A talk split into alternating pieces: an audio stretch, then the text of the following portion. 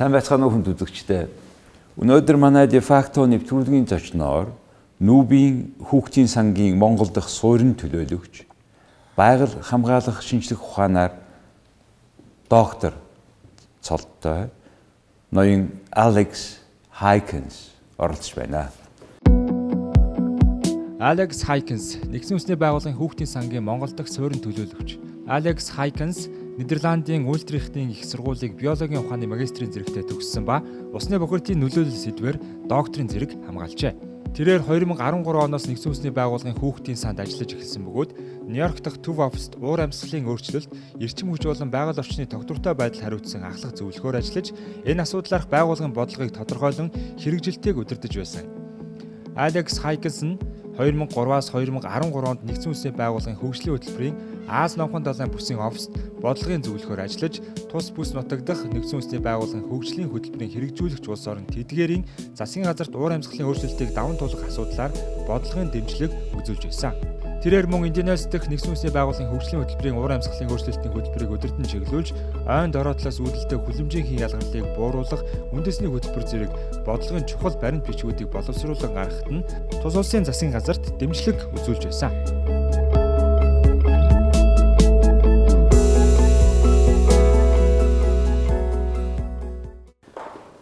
Good afternoon.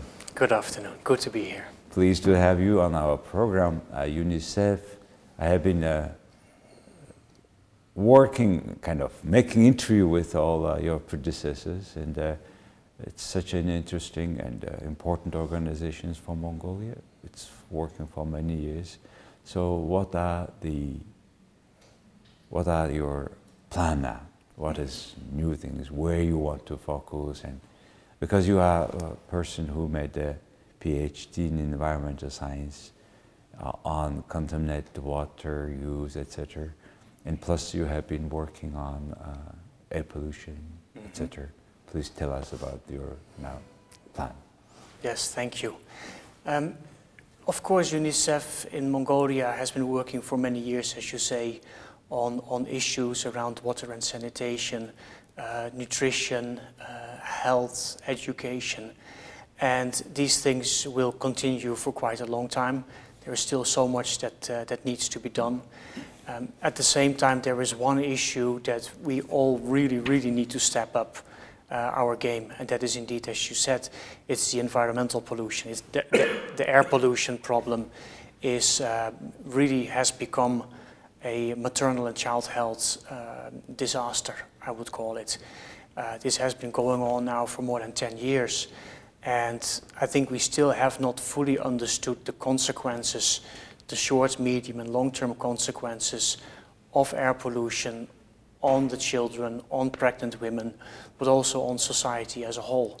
So we really, really need to step it up, and that's also the reason why I was appointed as the new representative uh, for Mongolia because of my, my environmental background, and um, also being really committed not just to talk about these issues sitting in headquarters as I was before, but really support my team and, and the country here to take meaningful action, to put it in the spotlight, and to find solutions, both in terms of reducing pollution, reducing exposure to pollution, and strengthening health services.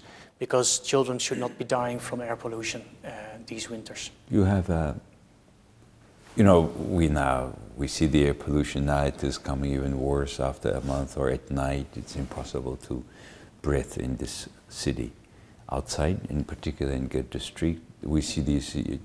But you have mentioned we don't completely fully understand the consequences in long term with our children, with society, etc. Mm-hmm. What do you mean? What kind of consequences you particularly would like highlight?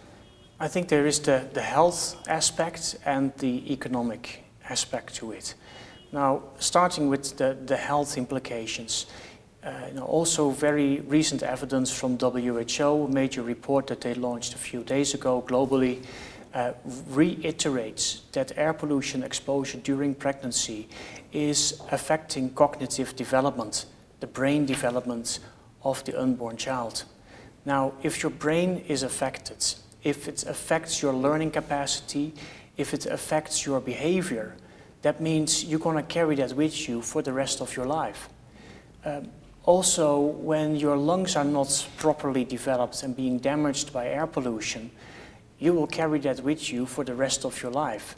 So, let's say a five year old has been breathing polluted air for the last years, and when that child is 55 years old, the chances that that adult by then will have major problems with cardiovascular diseases, chronic health problems, lung, uh, lung issues, um, that is very, very likely. So the quality of life of the children today will also be very, even more problematic for them when they are adults. And then the question is about the, what are the economic implications of that? Then remember the, I mean, we don't remember, but we know that 50s, mm. London. Yep. Mm-hmm. Do they have the same consequence that you are talking about? Absolutely. That is also where we are learning from that children who grew up in the 50s uh, in London, uh, now you see a very significant increase of health problems and health costs for that generation. And that is something I think that Mongolia needs to think about. Uh, also here in 20, 30 years from now, you will most likely have a significant increase in health costs. Mm-hmm. So you need to start to figure out how are you going to pay for it? Mm-hmm. And what is not fair here is that the children of today have not caused the pollution problems, mm-hmm. but they will get the bill. They already are being, uh, they already are suffering from it. And in 20, 30 years from now, as grown ups, they will have a lot of health problems that they will have to pay for. So we talk about 2050s or so. Yeah. These children mm-hmm. today, mm-hmm. maybe in just in a mother, in, inside of their mother today, mm-hmm. uh, could have this sort of consequences faced, and they, they will pay themselves at the yep. same time when they are not at fault at all. They are yep. not the people who caused all these damages. So, what should we do? Mm-hmm. Well, I think first what of can all, we yeah. at least do? and yeah, there is always a challenge between what you can do and what you should do, and find something that, that is going to work.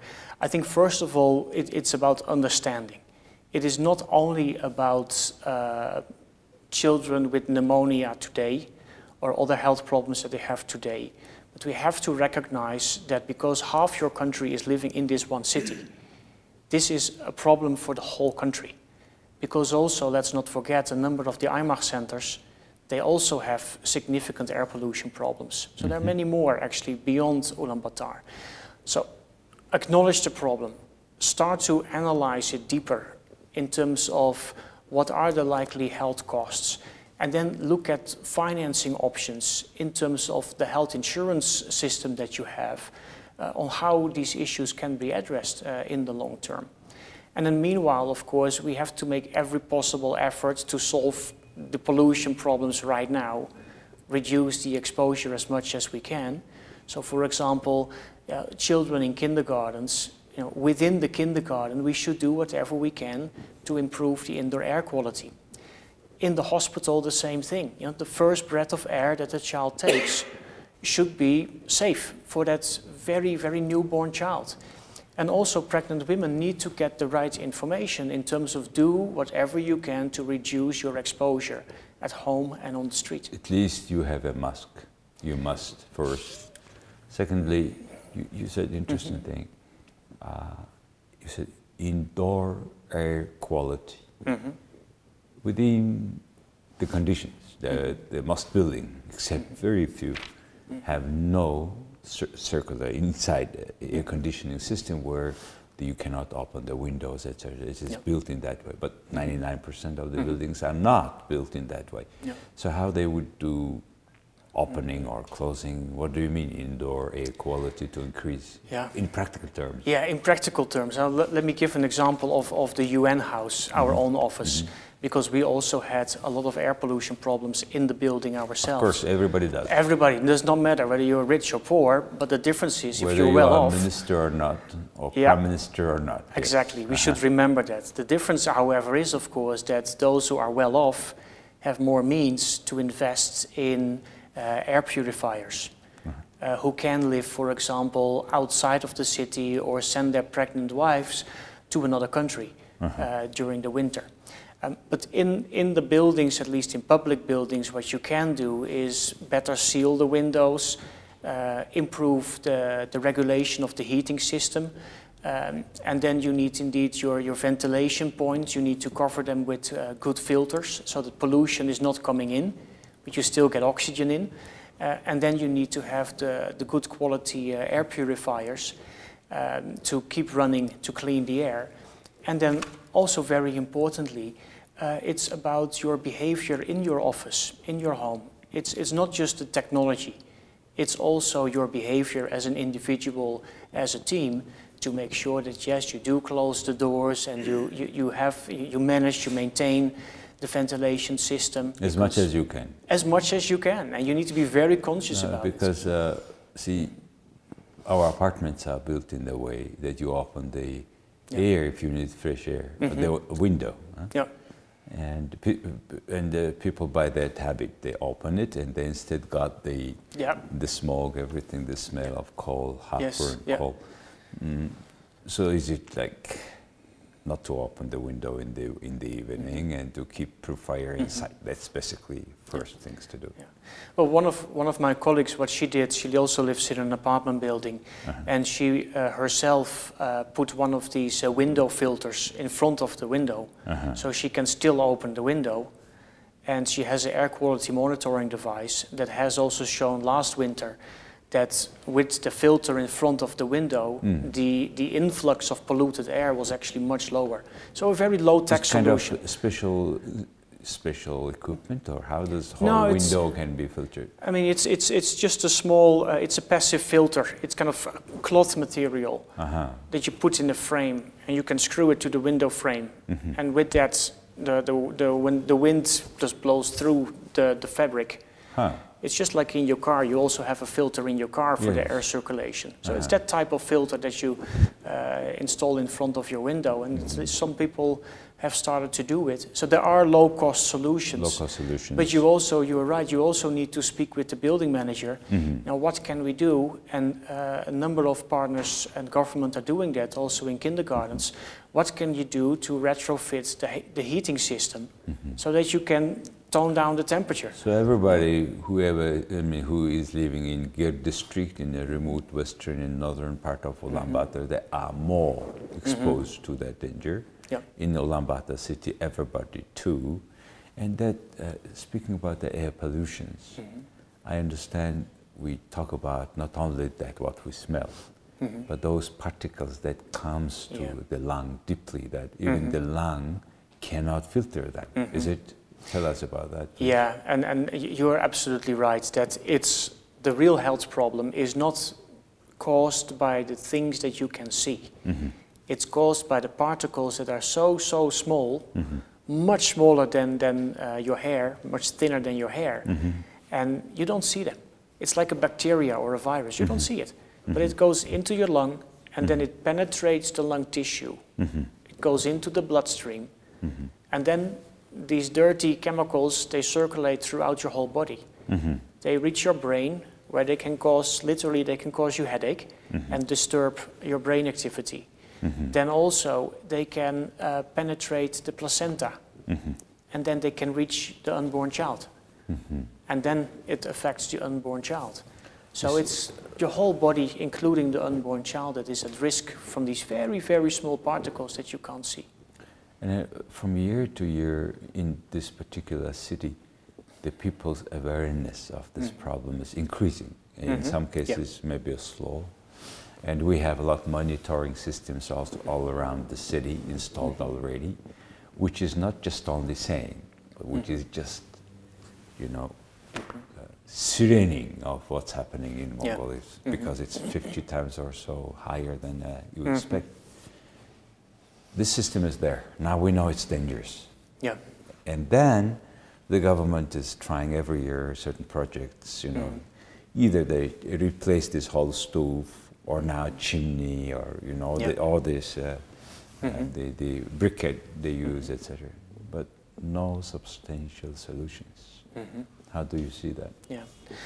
It's indeed what we see over the last 10 years, despite many efforts and many investments, uh, not enough progress. We need to be very honest with each other. There is, has not been enough progress. Um, and I am I'm concerned it will still take quite a long time mm-hmm. before we reach levels of air quality that one can regard as reasonably safe. Mm-hmm. Now, I think a, a couple of things that we really need to understand is that you know, the energy question in Ulaanbaatar is a big challenge mm-hmm. because here heating is not a luxury, it's survival. So you have to heat, you have no option. Um, and then moving towards sustainable and clean energy does take time and it does take effort and it does take continuous commitment. And that commitment needs to go beyond one government to the other government because it will take, let's say, another 10 years. So, no matter which political party you're part of, everybody does need to agree we want clean air for our children.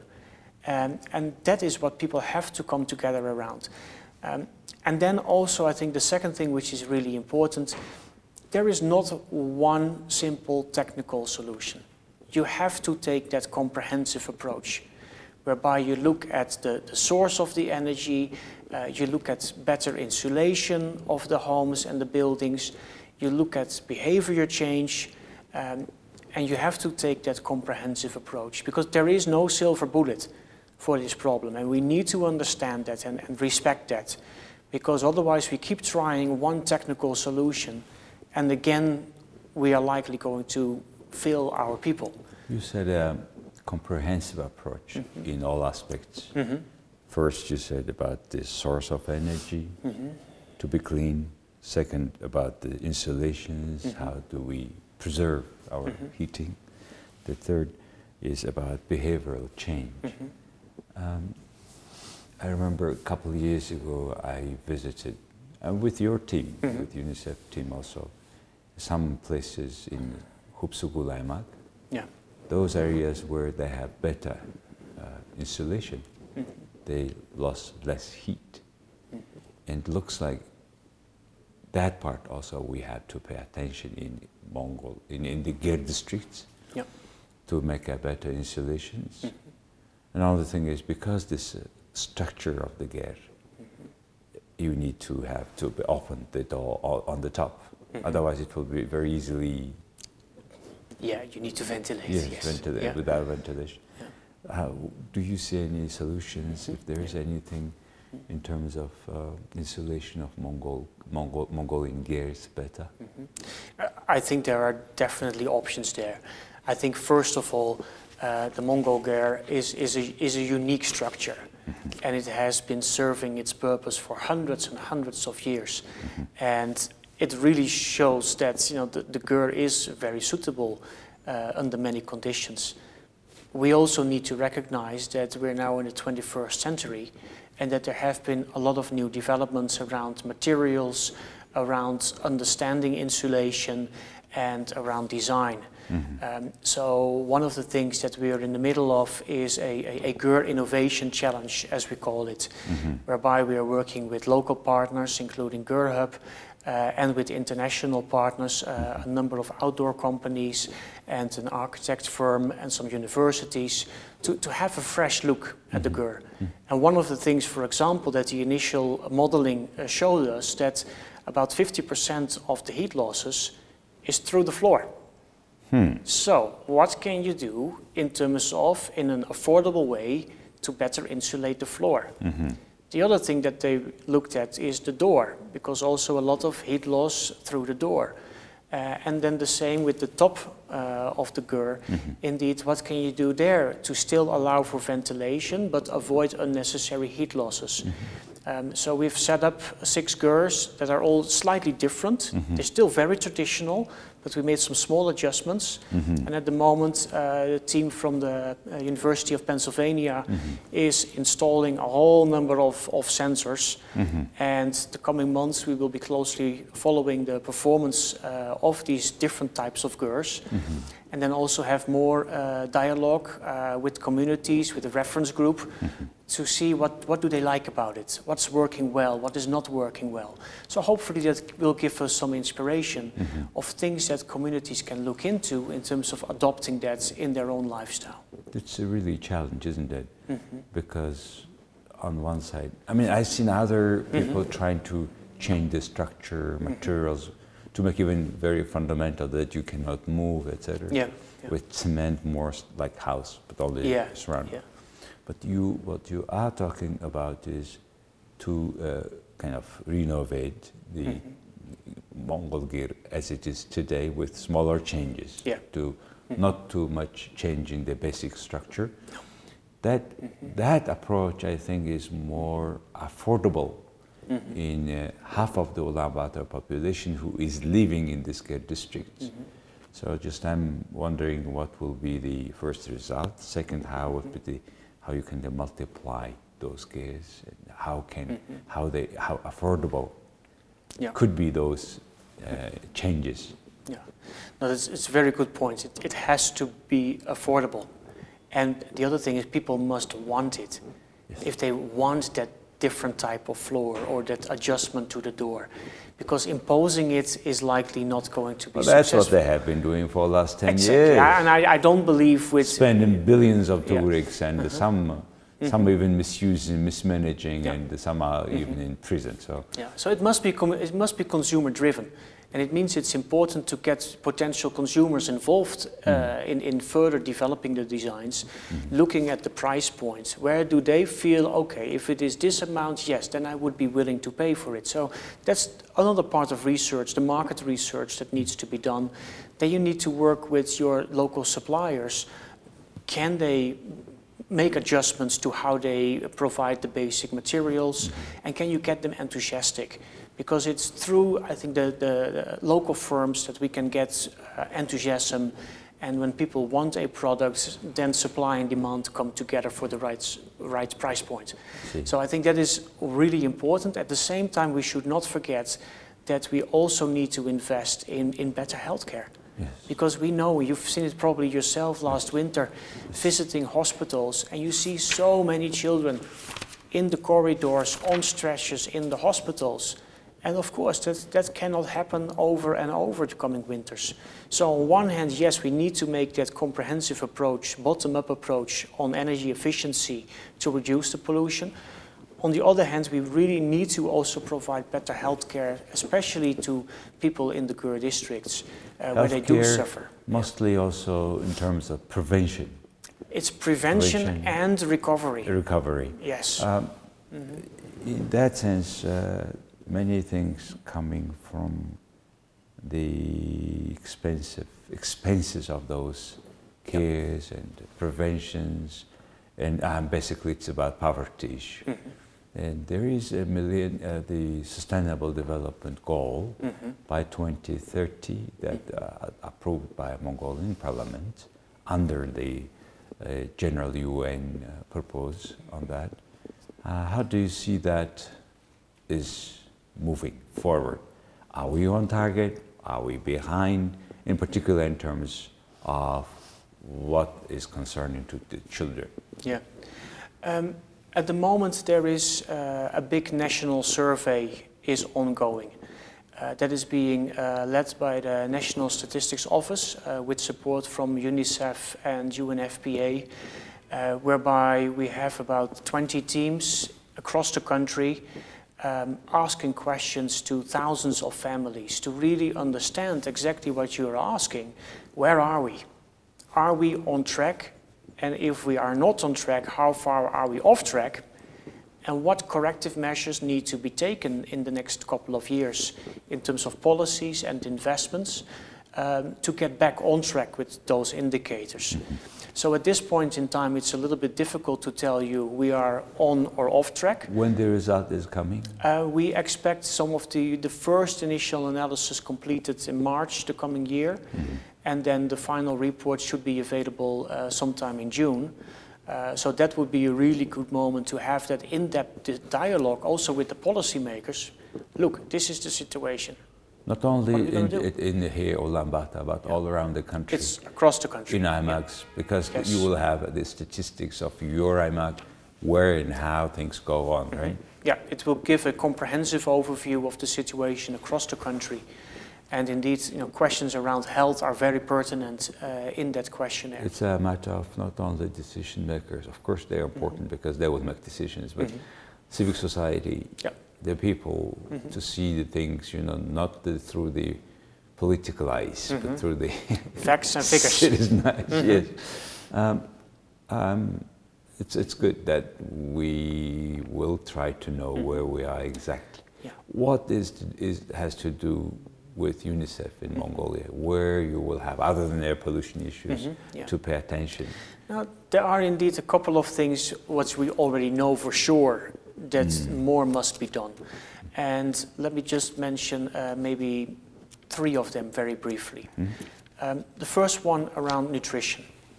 Uh, we now have a situation in the country whereby we have a significant number of children uh, chal- uh, challenged by obesity. And we also have still a lot of number of children suffering from, uh, from mal- malnutrition. And then for both those groups, there are a lot of problems around micronutrients. Um, so that also has to do with urbanization. More and more children living in an urban environment, uh, not getting a lot of exercise, more and more fast food. And, and that is, of course, not helping with your nutritional status. So that's one thing that we are working on, and we will do more on that. The second topic um, is around uh, child protection and adolescent mental health.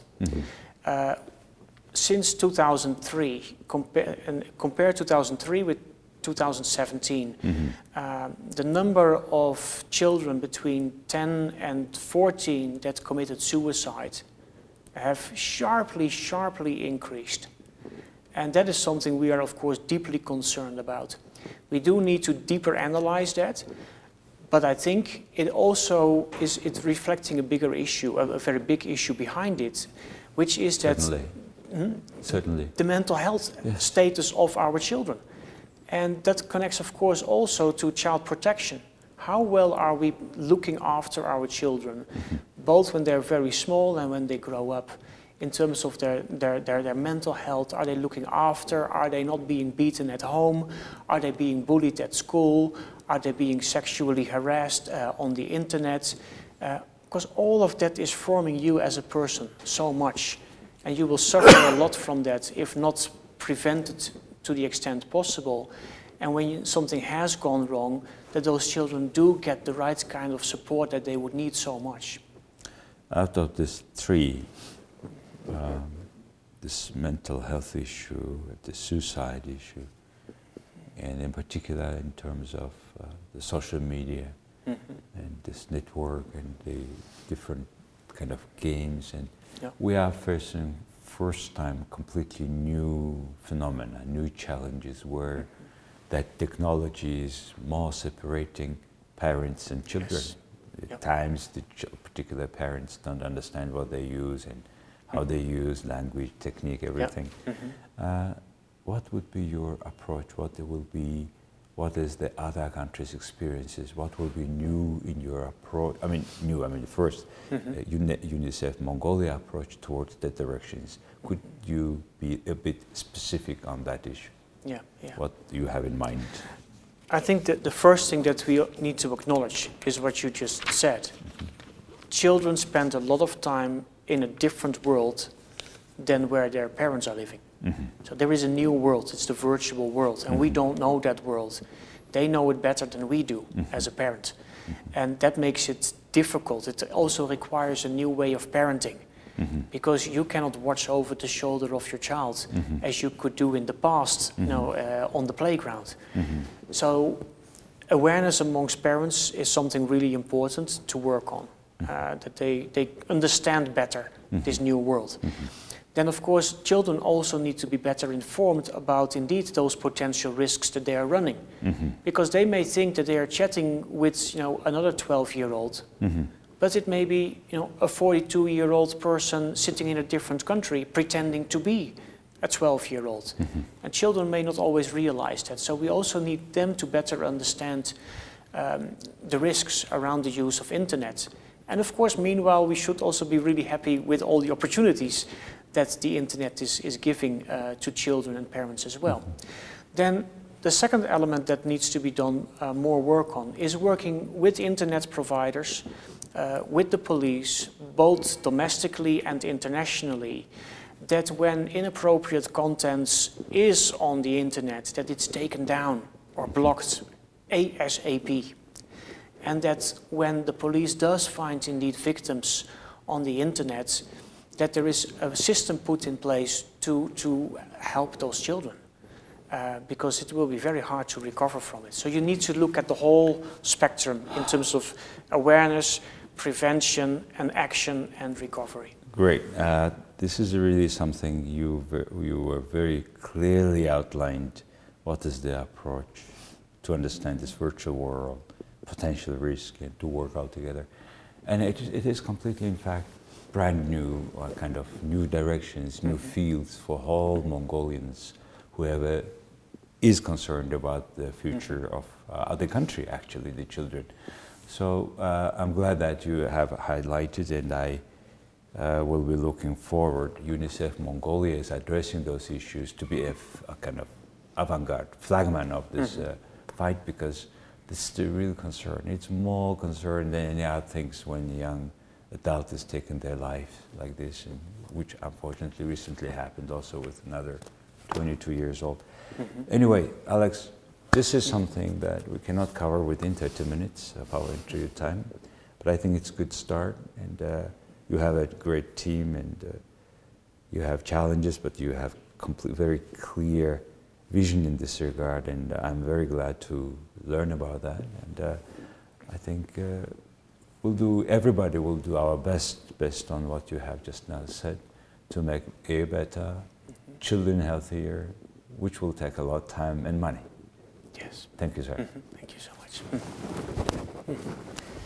За хүндэтгэжтэй өнөөдөр манай дефакто нэвтрүүлгийн зочноор энэ нүүбийн хүүхдийн сангийн Монголд суурин төлөөлөгч ноён Алекс Хейкенс оролцлоо. Баярлалаа.